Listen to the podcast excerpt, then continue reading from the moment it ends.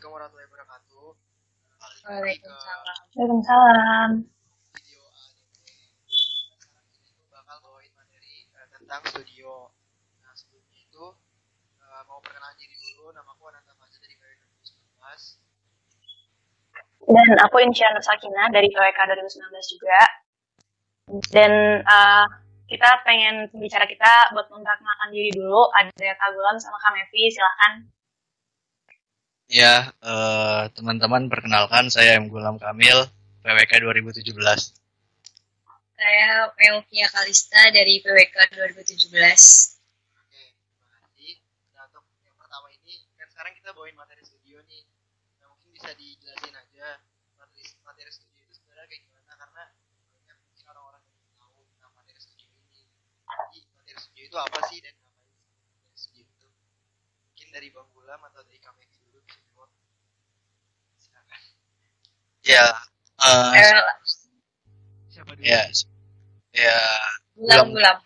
nanti tambahin ya, Mev. Ya. Sebenarnya eh, studio itu apa sih? Sebelum kita lebih jauh, sebenarnya studio itu dibagi tiga. Yang pertama ada studio perencanaan, yang kedua, eh, yang pertama studio proses, yang kedua studio perencanaan, dan yang ketiga ada studio perancangan. Nah, dari ketiga studio itu kita eh, eh, apa ya? Ada hal-hal yang kita pelajarin gitu. Mungkin di studio, mungkin di studio proses itu gimana cara kita mengenali eh, lingkungannya di studio perencanaan itu gimana caranya kita merencanakan yang di studio perancangan itu bagaimana kita mengimplementasikan apa yang telah kita pelajari ke dalam bentuk desain mungkin bisa ditambahin Mev Ya, jadi kan yang udah dijelasin Gulam tadi ya, kalau studio itu ada tiga nih. Ada proses, ada perencanaan, sama rancang. Gampangannya tuh, gambarannya kayak kalau proses tuh kita eh, kayak bikin profiling gitu ya, Lam ya.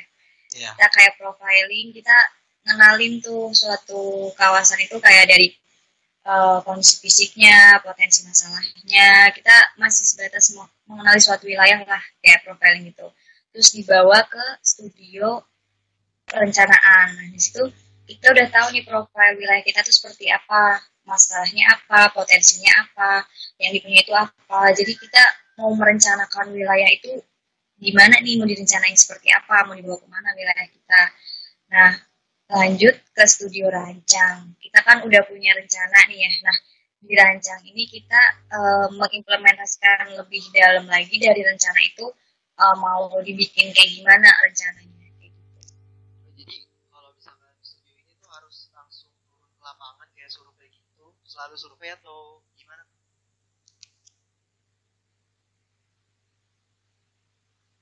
Halo? Gimana lah? Kalau survei sebenarnya harus ya. Kalau ditanya harus apa enggak harus. Ke lapangan harus apa enggak harus. Cuma kan kalau misalkan ini kan sekarang kayak sekarang ya lagi pandemi gitu nggak boleh itu ya.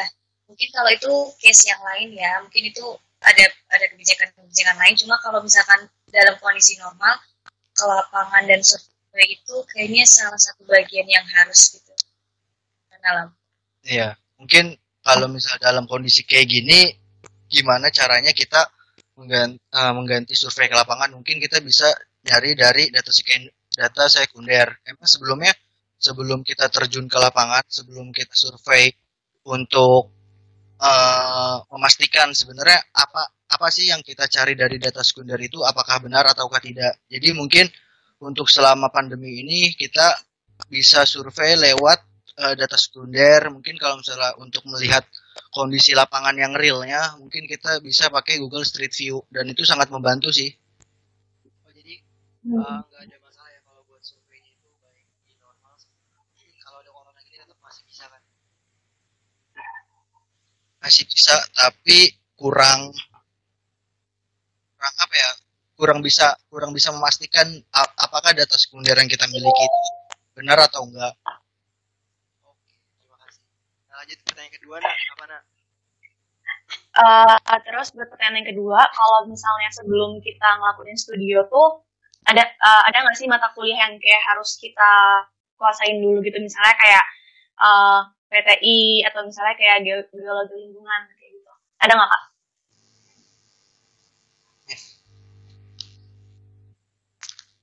Elam. Kalau aku ya, aku dulu ya. Yes. Ya. Kalau misalkan uh, mata kuliah apa yang harus diituin, uh, menurut aku sih semua ya. Semua mata Oh. kuliah harus dikuasain, tapi uh, enggak yang gimana-gimana. Maksudnya bukan berarti yang menuntut kita, ya bagus kalau kita bisa expert semuanya. Tapi kalau memang enggak, ya at least uh, paling enggak itu kita dasar-dasarnya tuh paham betul gitu loh kayak gimana soalnya uh, di studio itu menurut aku ya kayak dia itu tempat untuk kita mengimplementasikan atau kayak tempat buat kita tuh tahu gitu loh matkul-matkul yang sebelumnya dipelajari itu kegunaannya gimana gitu. Jadi kayak di Tekom sendiri contohnya kayak Tekom misalkan kita uh, belajar uh, bikin poster gitu ya bikin film itu bakal kepake banget gitu. Nanti di uh, di studio kalaupun memang kita nggak ahli banget nih buat ngedit tapi at least kita tahu oh kalau mau bikin film tuh kita harus punya alur nih. Nah aku pengen bikin alur yang kayak gini gini gini. Nanti yang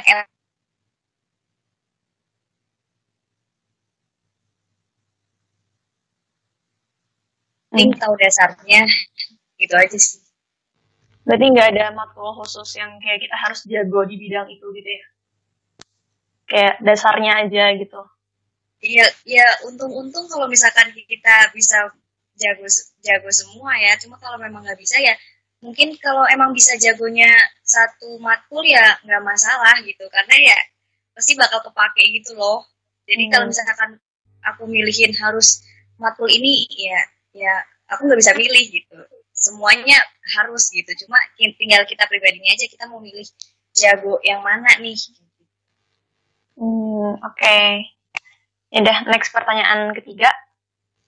Nah, sekarang jadi banyak yang nanya kalau studio ini sebenarnya itu lebih ke individu atau kelompok tugasnya atau mata kuliahnya tuh lebih individu apa kelompok Kalau sebenarnya studio ini lebih ke kelompok sih karena sebenarnya eh, berkelompok itu lebih mudah daripada individu. Sebenarnya kalau misalnya memang kalian merasa kalian bisa individu, ya itu sangat bisa dikatakan sangat sangat sangat sangat sangat sangat sangat luar biasa lah karena ya ya karena nyambung tadi sama pertanyaan yang kedua eh, mata kuliah apa yang harus dikuasai kalau misalnya memang kita individu kan kita harus bisa ngerti paham dan mungkin harus expert ke semua mata kuliah gitu tapi kalau misalnya ini sih fungsinya kita berkelompok tuh kita bisa saling sharing kita bisa saling memahamilah apa yang telah kita pelajari apa yang kita telah dapat dari mata kuliah-mata kuliah sebelumnya untuk kita eh, jadikan bahan diskusi di mata kuliah studio. Nah, terus kalau studio ini kan ada berapa semester bang yang ada mata kuliah studionya tiga ya tadi Ya, ada tiga. di tiga semester ini kelompoknya sama atau gimana Eh, sepengetahuanku di angkatan 2017 ini eh, sama satu semua apa dari studio pertama sampai studio ketiga ini eh, sama kelompoknya. Tapi beda hal sama, sama 2016. Kalau memang tidak salah 2016 itu ada perubahan dari studio satu ke studio 2-nya. Itu kalau nggak salah ya. terus kalau misalnya kelompoknya ini ditentuinnya bebas atau ada gimana kan penentuan anggota kelompoknya siapa aja gitu gimana Iya, Mas. kalau penentuan kelompok tuh waktu zaman kita tuh tes ya lam kita dari dari semester eh dari studi yang pertama sebelumnya tuh pas itu kita udah tes dulu. Waktu itu tesnya di di PWK di seminar gitu. Nanti di tes kayak semacam psikotes gitu. Kita nanti di tes kita jadi tahu gitu kan kayak kepribadiannya terus sifat-sifatnya kayak gitu gitulah basic kayak gitu. Terus nanti tahu-tahu udah jadi gitu kelompoknya. Jadi dibikinin sama dosen berdasarkan kalau nggak salah tes sama kayaknya lihat nilai kayak itu tapi gosip nggak tahu. Pokoknya intinya tes gitu. Tes Dia terus juga, aku tes dulu. Nah, tes juga sama ini eh sama kayak apa apa yang kita miliki. Kayak mungkin apakah kita punya SIM, Iya, kita bisa mengendarai motor, mungkin kayak gitu. motor. Sam- kalau nggak salah yang itu juga nggak sih yang asli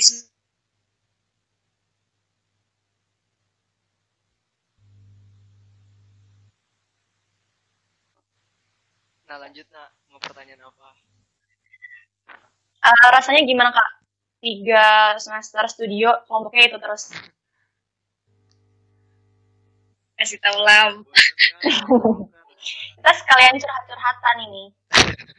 Sebenarnya kalau eh, sebenarnya dari dari ketiga studio ini kelompoknya sama, sebenarnya kalau dari aku ya sedikit membosankan sih, tapi eh, tapi kele tapi kelebihannya kita udah bisa memahami kalau di angkatan 2017 itu anggotanya dari 22 orang sampai 24 orang. Itu kita udah bisa memahami eh, dari masing-masing teman-teman kita. Jadi kita bisa lebih mudah untuk menyatukan pemikiran sih, menyatukan pikiran, satu framing karena itu penting karena di studio ini eh, kita bakal kita bakal membawa satu rencana gitu, satu perencanaan buat wilayah studi kita kayak gitu. Gimana, Mev? Hmm. ya nggak jauh beda sih sama kayak kalau misalkan bosen tuh bukan bosen yang dalam konot- konotasi negatif gitu ya jadi takut Iya. jadi kayak maksudnya eh, kita eh, mau kerkel ketemunya ini lagi ini lagi gitu kan pasti ada rasa kayak bosen-bosen dikit mah ada kan. Cuma ya benar tadi kata gue enaknya tuh kayak jadi tahu gitu. Oh kalau ngomong sama orang ini tuh caranya kayak gini. Ngomong sama yang ini tuh harus kayak gini gitu. Terus kalau misalkan eh, marah misalkan kalau kelompok kan tetap ada sebel-sebelan gitu kan ada kan. Mhm. itu enaknya kalau udah udah terus itu kan kenal jadi tahu gitu. Ah ini mah sebel kayak gini udah, udah biasa. Cuekin aja juga ntar balik sendiri kayak gitu. Enaknya kita kayak udah ngerti banget gitu loh orang itu kayak gimana. Jadi kayak kalau mungkin pas studio pertama karena kita baru ya jadi kayak masih masih bingung gitu. Terus studio kedua jadi enak gitu udah udah paham gitu udah ngerti orang-orangnya kayak apa jadi kayak lebih lebih santai gitu pembawaannya jadi enak sih kalau misalkan tetap tetap aja. Cuma kalau bosen ya bosen-bosen ya bosen tipis-tipis lah Terus kalau misalnya buat eh, lokasi studio itu tuh yang milih kakak-kakak sendiri atau dipilihin sama dosen? Itu kalau misalnya pemilihan lokasi studi itu jelas itu adalah hak dosen sih. Jadi kita tinggal nerima jadi kelompok kita, lokasi studio kita kayak gitu. Hmm. Oke, Itu next Zak. di Semarang doang apa gimana bang? Lokasi studio. di luar ya Di luar kota Semarang. Tapi kalau Oh, angkatan kita dapatnya Klaten ya kalau angkatan Iya, oh satu angkatan tuh dalam satu kota atau kabupaten gitu. ya jadi biasanya pembagiannya kayak kecamatan gitu satu Hmm. pembagiannya itu satu kabupaten. Habis itu dari satu kabupaten itu dibagi setiap kelompok itu biasanya kalau di tahunku satu kecamatan. Di tahun 2016 kalau nggak salah itu dibagi ke satu kelompok itu megang tiga kecamatan. yang Oh. baru yang 2018 kayaknya dua ya Mungkin kalau belum belum tahu sejauh itu buat 2018 sih. Terus, tapi biasanya satu kabupaten atau kota gitu Iya. nah terus ada yang nanya kalau bedanya proses perencanaan sama studio perencanaan apa ya? Iya, Mev. Kalau proses perencanaan apa tadi proses perencanaan sama studio per- Iya, Perencanaan. perencanaan sama studio perencanaan. studio perencanaan ya bukan studio proses Iya, studio perencanaan. Studio kalau misalkan proses perencanaan tuh sebentar sebentar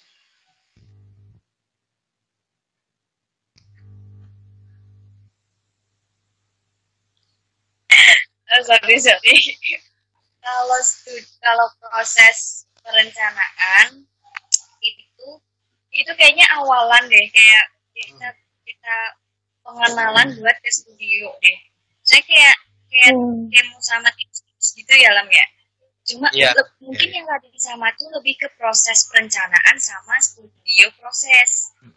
Gitu kalau studio perencanaan kan udah lebih jauh ya. Emang sih studio kalau proses perencanaan emang udah nyangkut nyangkut ke isu udah udah belajar belajar gitu sih cuma kayaknya itu karena kalau PWK itu kan emang matulnya kayak bertahap gitu ya jadi Oh. kayak stu- kayak proses perencanaan tuh kayak tahap pengenalan kita buat ke studio studio gitu sih kayak kita dikenalin dulu nih sini nyemplung dikit ya gitu gitu sih Mungkin ini juga beda nggak sih, Mev? Maksudnya ruang lingkupnya kalau misalnya proses perencanaan itu ini masih satu kelurahan. kelurahan Jadi, eh, Oh. jadi ruang lingkupnya masih satu kelurahan. Kalau misalnya udah studio eh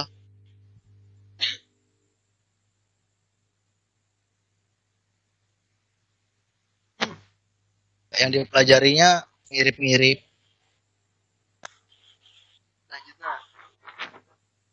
Terus kalau uh, manfaat studio buat uh, prospek kerja ke depannya gitu, menurut Kak Gulam sama Kak Messi apa tuh? maaf kalau pertanyaannya berat Pertanyaannya berat ya. gimana Lam? jauh ya udah jauh banget ya mungkin kayak dari studio ini misalkan cara surveinya bisa gimana gitu Hmm. Sebenarnya eh nantinya kalau misalnya untuk prospek ke depan atau prospek kerjanya eh mungkin kalau misalnya dari PWK ini kan pastinya nanti ke depannya kita kalau kerja pun pasti berkelompok. Kita akan sering survei ke lapangan. Nah, ini mungkin eh manfaatnya itu menurutku ya ini manfaat pengalaman sih gimana caranya kita bisa secara cepat memahami karakter dari tiap-tiap eh, orang tiap-tiap individu. Kayak gitu. Mungkin Mevi ya kalau dari aku sih ya sama sih ya kayak gitu. Cuma eh, karena kalau misalkan gimana gimana kayak kayak menurut aku tuh jauh banget ya. Eh ya nggak jauh ya. Cuma eh, lebih ke kayak gimana ya. Kan kita belum tahu ya syukur-syukur kalau misalkan udah tahu kan mau kerja apa gitu kan di bidang apa gitu syukur-syukur udah tahu. Kalau misalkan yang belum belum ngeh banget kan kita nggak pernah tahu kan nanti ke depannya gimana. Cuma kalau di studio ini tuh kayak ngebantu kita belajar buat eh, ya tadi itu kayak berkelompok gitu kan. Terus kita semacam kayak proyek-proyekan gitu ya Lam ya. Karena kan kalau misalkan PWK kayak kalau dengar-dengar itu kan semacam kayak proyek-proyek gitu kan. Kalau misalkan kita masih di bidang ini nih gitu kan. Jadi kayak kita belajar lah kayak tahu gitu gimana nanti caranya terjun ke lapangan gitu caranya nyari data gitu ternyata juga waktu kita praktek pertama juga ternyata buat nyari data tuh nggak gini deh bikin kuesioner tuh ternyata nggak se sesepele itu gitu Iya. waktu Hmm. pertama kali studio tuh kita kira ah elah cuma kuesioner gitu kan pertanyaan-pertanyaan gitu ternyata waktu kita udah ke lapangan banyak banget gitu miskomnya ternyata untuk kayak gampang deh gini eh kita datang ke RT nih Pak mau tanya di sini yang warga miskin itu ada berapa ya itu nggak bisa selesai dalam satu hari karena ternyata mereka bakal tanya lagi miskin yang kalian maksud tuh yang kayak gimana ya Mbak Nah, Nah, itu nyatuin frame untuk definisi miskin aja itu kan kayak susah. Ternyata kita pikir kalau kita tanya, Pak, eh, di sini warga miskin ada berapa ya? Kita kira bakal sudah dapat jumlah gitu. Ada 10 Mbak. Ternyata nggak segampang itu gitu. Miskin yang Mbak maksud yang kayak gimana gitu. Yang terdaftar inikah atau yang nggak punya kendaraan kah atau yang rumahnya seperti ini kah kayak gitu. Jadi itu kayak mungkin sepele tapi jadi ngerti oh ternyata bikin kuesioner itu harus kayak gini oh kata-kata yang kita pilih itu kalau ke masyarakat itu kata-kata yang seperti ini kayak gitu ya itu hal-hal kecil tapi pelajaran yang bagus lah ya ya Lam ya Iya. Jadi kar- karena emang sebelum kita ingin menanyakan sesuatu, ingin membuat kuesioner itu yang pertama kali kita harus ketahui dan kita pelajari adalah karakteristik siapa yang mau kita tanya, siapa yang mau kita ajukan pertanyaan gitu. Karena apa yang tadi dibilang uh, Mevi itu ya memang kenyataannya realnya uh, di lapangan itu seperti itu gitu Hmm. Ya, terus kalau misalkan apa ya, outputnya dari studio itu apa sih? Kayak ada tugas bis- ya, kayak apa ya? Kayak bentuk tugas besar kah atau ya pokoknya output yang dihasilkan di akhir semester tuh ngapain? mungkin kalau misalnya di studio apa studio proses di studio proses ini outputnya itu kita membuat profiling. Profiling dalam arti eh wilayahnya luasnya berapa mempunyai berapa eh, kelurahan terus kita juga mengidentifikasi eh, apa jumlah penduduknya gimana pendapatan pendapatan mereka seperti apa. Mungkin output di studio proses ini lebih ke profiling jadi kita bisa apa ya jadi kita untuk melaksanakan studio berikutnya ini kita tidak salah langkah gitu Hmm. terus untuk studio perencanaan gimana Mev? studio perencanaan ya kita ngasilin eh, rencana kita ngehasilin prediksi yang akan datang. Terus ya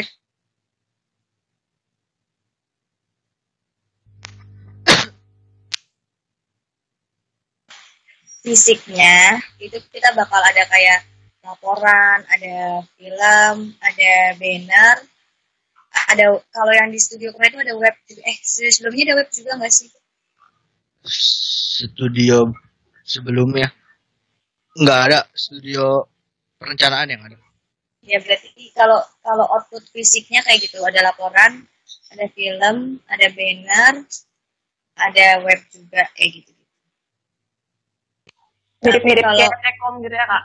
ya mirip-mirip kayak Tekom gitu. Cuma perbedaannya kalau di proses tadi yang udah disinggung sama Gulam laporannya itu berisi tentang endingnya. Laporannya itu berisi tentang eh, profiling gitu. Tapi kalau untuk yang perencanaan itu lebih ke rencananya apa terus kita mau bawa tuh wilayah kayak gimana ke depan. Kita memprediksi kira-kira 20 yang tahun yang akan datang kondisi eh, wilayah kita tuh seperti apa. Nah kita mau merencanakan apa nih kayak gitu. Terus kalau misalkan yang eh, rancang ini itu dia lebih ke desainnya gitu kita udah punya rencana apa nah kita kita tuangin dalam bentuk desainnya itu kayak gimana. Jadi nanti outputnya ada tambahan side plan desain ya. Ya kalau untuk studio rancang ini ada side side plan design apa yang telah kita rencanakan apa yang telah kita tuliskan itu kita tuangkan ke dalam bentuk gambar. Nah setelah itu outputnya nanti itu ada eh, pengelolaan serta pembiayaan jadi apa yang telah kita gambarkan apa yang telah kita desain itu kita mencoba untuk pembiayaannya seperti apa pengelolaannya mungkin bagaimana seperti itu Lanjut nak. Gimana? Terus kalau misalnya uh, studio yang kita ambil tuh kira-kira bakal ngaruh nggak ke skripsi kita nanti?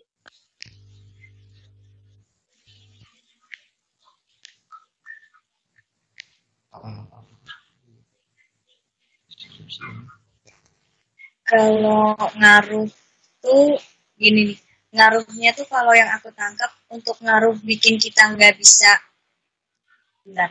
Misalkan nih kita kan kita kalau studio kan kita nggak milih ya maksudnya tiga tiganya harus Hmm. kita ambil nih.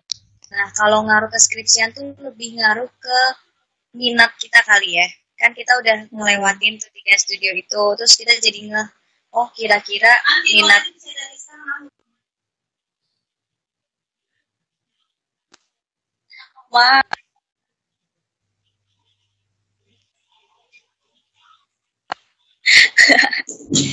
Jadi kalau misalkan ngaruh lebih ke ngaruh ke minat kita sih kali. Mungkin oh kayaknya eh, aku lebih cocok di lab kota, lab rancang, lebih cocok ke geomatik nih atau ke kota nih lebih ngaruh ke minat aja sih kalau ngaruh ke yang bikin kita kalau ngambil studio ini nggak bisa skripsian di bidang ini itu enggak jadi ngaruhnya lebih ke minat aja sih kalau aku sih nangkepnya. Oke. Okay. nah terus uh, ada yang nanya gimana cara kakak-kakaknya bagi waktu supaya apa ya kan studio itu katanya capek. Terus gimana cara bagi waktunya supaya kelompokan tetap dalam mood yang baik gitu? Nggak males nggak kesel atau gimana gimana cara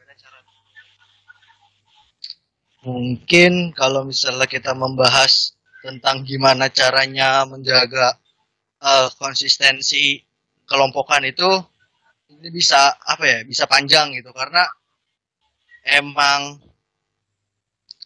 butuh banyak hal yang harus kita lalui. Mungkin uh, supaya tetap maksimalnya ya kita kelompokannya mungkin bisa sembari kelompokannya.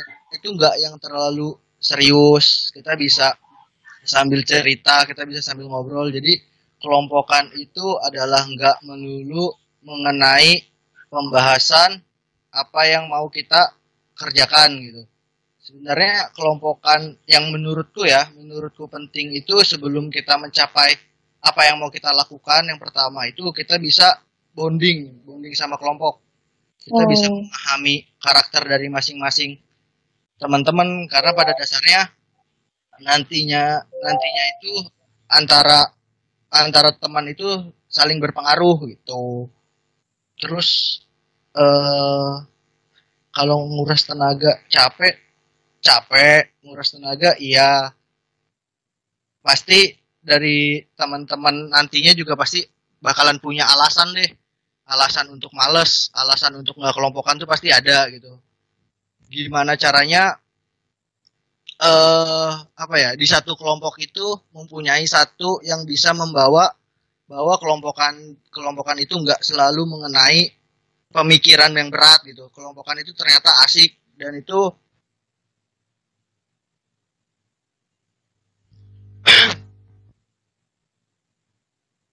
dari Gulam itu gimana Mev? Kalau dari aku kayaknya ini kan dari pertanyaan aja kayaknya orang-orang udah takut banget ya. Kalau mau tahu kayak nggak perlu melakukan sesuatu yang belum terjadi gitu. Ya sekarang aja udah pusing gitu, kenapa harus pusingin yang akan datang. Cuma kalau misalkan udah kejadian, kalau misalkan dari aku ya, ya udah jalanin aja, telan aja gitu loh. Kalau misalkan lagi hektik-hektik banget, toh ya yang hektik-hektik banget bukan kita doang gitu, yang lain juga hektik gitu. Jadi kayak sebenarnya tinggal pembawaan kitanya aja sih buat bawa enjoy buat bawa kayak ya ya udah ini tuh bagian dari proses yang bakal kita laluin. Jadi nggak usah ambil pusing gitu. Kalau misalkan manajemen waktu keuntungannya karena kelompok kita itu itu aja enaknya tuh jadi uh, jadwal kelompokannya kayak bisa bareng gitu ya namanya kayak misalkan lagi kelompokan studio nih terus nanti dibarengin sama kelompokan matkul lain kayak gitu. Bisa pinter-pinternya kita lah bagi-bagi waktu. Ntar juga kalau misalkan udah pas masanya kayaknya otak-otak kita ini kayak kebawa secara otomatis gitu loh buat ngakalin ini gimana caranya nempatin ah ini waktu kayak gini ah kelompokan ini kelompokan ini kelompokan ini. Ntar juga seiring berjalannya waktu kayaknya bakal bakal kepikiran sih gimana otak ngatiknya oh, yang penting nggak usah dipusingin disiapin boleh tapi nggak usah nggak usah pusing-pusing amat ya. Ntar pas waktunya mah tinggal jalanin aja. Mungkin hmm. apa lagi ya? Mungkin lebih ke toleransi sih toleransi ke setiap uh, teman-teman kelompok itu juga perlu gitu. Maksudnya toleransi kita juga mungkin setiap kelompok kita punya kesibukan yang uh, harus bisa dijalani secara berbarengan gitu. Itu kita bisa toleransi. Dan mungkin teman-teman yang dikasih toleransi pun harus lebih bisa tahu diri gitu loh. Ketika memang teman-teman dikasih toleransi untuk misal kita janjian kelompokan itu jam 9 tapi kita ada acara itu kita datangnya jam 10 itu juga kita harus benar-benar tahu diri bahwasannya kita udah dikasih waktu toleransi ya kita harus bisa memanfaatkan secara baik gitu. Gitu. Saling Berarti kalau- aja kali ya. makanya kalau kita Gimana? Berarti kalau selek-selek antar anggota gitu tuh pasti ada aja ya kak. kalau ini gimana lah pasti ya lah Pasti, pasti, hampir mungkin, mungkin menurutku hampir setiap kelompok tuh pasti ada konflik batin lah. Justru konflik kalau nggak ada konflik justru malah perlu dipertanyakan ya nggak sih? Mereka Ah. bener-bener kelompokan apa enggak gitu? Kalau misalkan konflik kan itu karena justru karena kita bener-bener dalam kelompoknya maksudnya bener-bener mengemukakan pendapat bener-bener niat maksudnya bercanda-bercanda. Bercanda aja kan bisa aja ngasihin konflik gitu loh. Kalau sampai nggak ada konflik berarti mereka nggak berpikir dan nggak bercanda dong. Jadi kalau konflik pas tinggal ya kita kitanya kalau misalkan kita capek ya kita harus ngertiin teman kita juga capek kalau kita lagi nggak mood ya harus ngertiin teman kita juga ada saatnya nggak mood juga jadi ya bener kata belum tadi sih toleransi Oh, Oke. terus mungkin jangan pernah ke trigger sama kelompok lain ya. Itu eh, karena nggak karena gini karena emang Nggak ada pada habisnya. dasarnya ya karena pada dasarnya studio itu memang itu ada ada apa ya kayak ada pokok bahasan yang harus kita kerjakan gitu. Tapi kita kembali lagi apa yang kita kerjakan itu sesuai sama dosen pembimbing kita masing-masing gitu. Kita boleh melihat kelompok lain tapi ya kita hanya oh kelompok lain udah sampai situ. Mungkin cara apa ya cara cara penyampaian dari tiap-tiap dosen pembimbing itu berbeda gitu. Kita jangan sampai ke trigger dan nanti akhirnya menimbulkan konflik sendiri sih di kelompok gitu Oh, Oke. Terus eh, terakhir aku sama Faza mau eh, minta kakak kakak Kak Kak Gulang sama Kak Mevi buat eh, ada nggak pesan buat angkatan 18 sama 19 yang nanti bakal studio juga gitu. Saya kayak eh kalian lebih baik kayak gini atau kayak gimana gitu kayak pesan-pesannya buat 18 19. Maaf duluan. Mef. Duluan lam aku kayak berasa jadi tua cuy ngasih pesan. Aduh kalau pesan kayak udah iya kayak udah apa aja kayak berasa apa gitu ngasih pesan. kamu dulu lam yang lebih tua. Yang lebih berpengalaman kak. oke. Lebih halus ya bahasanya lebih tua. Pesan pesannya apa ya? Oh mungkin pesannya lebih pasti kita pasti aja pasti ada di setiap angkatan pasti ada omong-omongan lah masalah.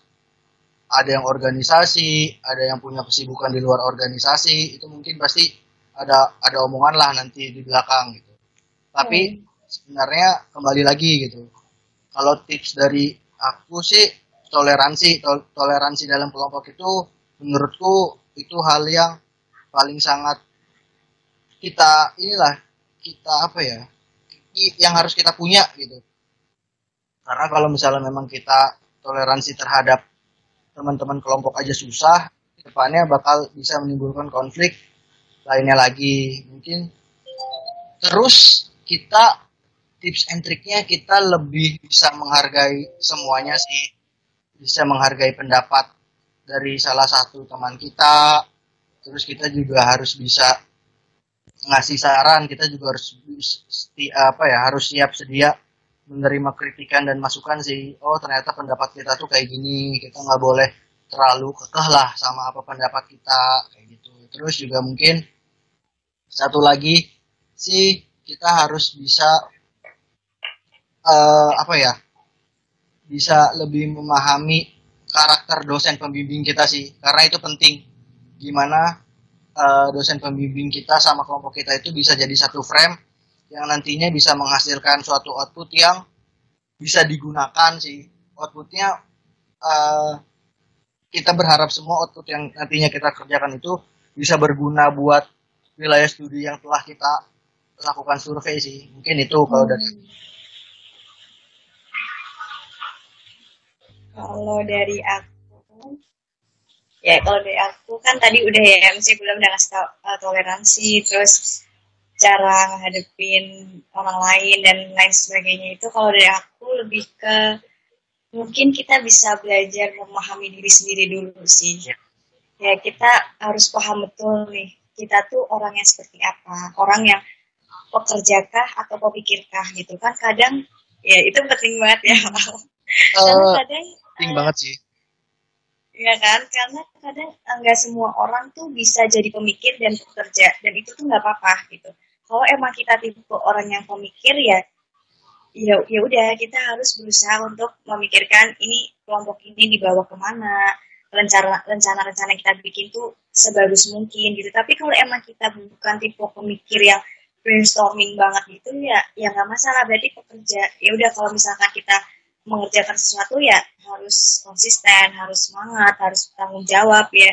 Ya kayak gitulah. Yang penting kita paham dulu nih kita tipe yang mana nih? Ya yang pekerjakah atau pemikirkah atau tipe yang seperti apa gitu. Terus kalau misalkan kita tuh sesimpel kayak kita tuh sebenarnya suka mengerjakan tugas ada lagu atau nggak ada lagu itu simple tapi kalau kita nggak ngerti itu bisa jadi konflik gitu. Kadang kita mikir nggak nggak nggak mood kerkel gitu jadi bawaannya nggak mau kerkel aja. Tapi kita nggak paham itu kenapa. Oh ternyata sepele. Aku tuh nggak suka kerkel karena di sana eh, katakan berisik kayak gitu. Ngerjainnya pada pakai lagu jadi nggak nyaman. Itu kan kalau kita nggak paham diri kita kan itu bikin bikin jadi nggak enak kan. Tapi kalau kita udah paham tuh oh ternyata aku tuh suka yang sunyi yang nggak berisik. Jadi kalau misalkan lagi kerja lagi berisik ya berarti aku harus paham orang tuh punya cara sendiri. Jadi ya udah cuekin aja. Maksudnya ya udah bawa santai aja gitu. Nanti pas giliran ngerjain aku sedikit misah terus ngerjain biar lebih fokus. Itu kan butuh pemahaman lebih gitu loh kalau kalau kayak gitu. Jadi kalau dari saran aku ya coba pahamin diri sendiri dulu sih. Dari hal kecil itu perlu banget ya. Oke. Makasih. Makasih Kak Gula sama Kak. Tadi pertanyaan tadi eh, jadi penutup buat diskusi ADP yang tentang materi studio ini. Eh, sekali lagi makasih udah nyempetin waktunya buat jadi apa ya? Jadi bicara di materi studio ini khususnya materi studio eh di ADP ini khususnya materi studio.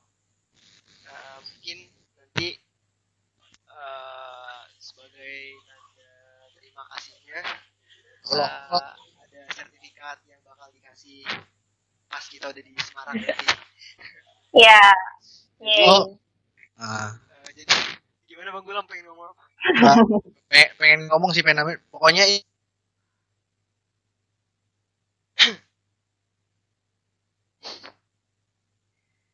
i- ah gitu. Pasti nanti suatu saat hibur aja itu berguna ya, banget sih. peng- penghibur. Itu tuh Itu sangat berguna di dalam suatu kelompok gitu. Intinya nggak ada yang useless gitu ya. yes Ya. semuanya itu pasti Oke, berguna kita harus paham betul. Kita posisinya sebagai apa nih? Penghiburkah ya terus pemikirkah atau pekerjakah yang penting ya itu harus semangat aja. Nggak usah dipusingin dari sekarang. Nggak semenakutkan itu kalau di alam ya. Benar lebih menakutkan. Oke. ya mungkin cukup sekian dari eh, ADP. Nah, eh, mungkin dari Irna ada ucapan terima kasih atau gimana? eh kurang lebih sama kayak Faza. Makasih banget Kak Gulam, makasih Kak Mevi udah nyempetin waktunya. eh eh, hitung-hitung sambil ngabuburit, sambil ngobrol-ngobrol kan, eh, pembahasan berbobot. Jadi kita berterima kasih banget. Nanti jangan lupa nonton ya Kak IGTV-nya. Oke Ya udah. Oke. kita juga mau makasih alam ya yes ya, kita juga kamu makasih lah di udah diajak kamu kulit ngobrol-ngobrol Bang, maaf ganggu main PUBG-nya dulu bentar. Nah, hitung hitung-hitung tuh apa ya? Hitung-hitung tuh kita flashback lah apa yang telah kita kerjakan Iya, di iya. situ itu. Hmm. Mantap, ya udah. Eh, jadi cukup sekian dari aku sama Irna Eh, dan dari materi studio ADP ini. Eh, wassalamualaikum warahmatullahi wabarakatuh. Waalaikumsalam warahmatullahi wabarakatuh. Boleh Terima kasih. selamat menjalankan aktivitas lagi ya. Selamat berbuka puasa juga.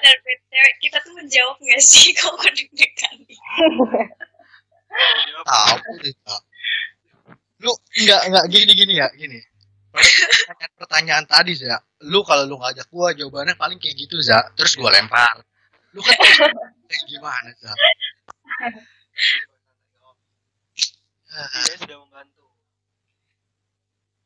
Ya tapi lu kalau kalau misalnya per- kalau jawaban yang dikatakan sama Mevi itu mungkin bisa dikatakan ya 80% valid sih valid Hmm. Aku hanya jawaban pelengkap dari kamu lah.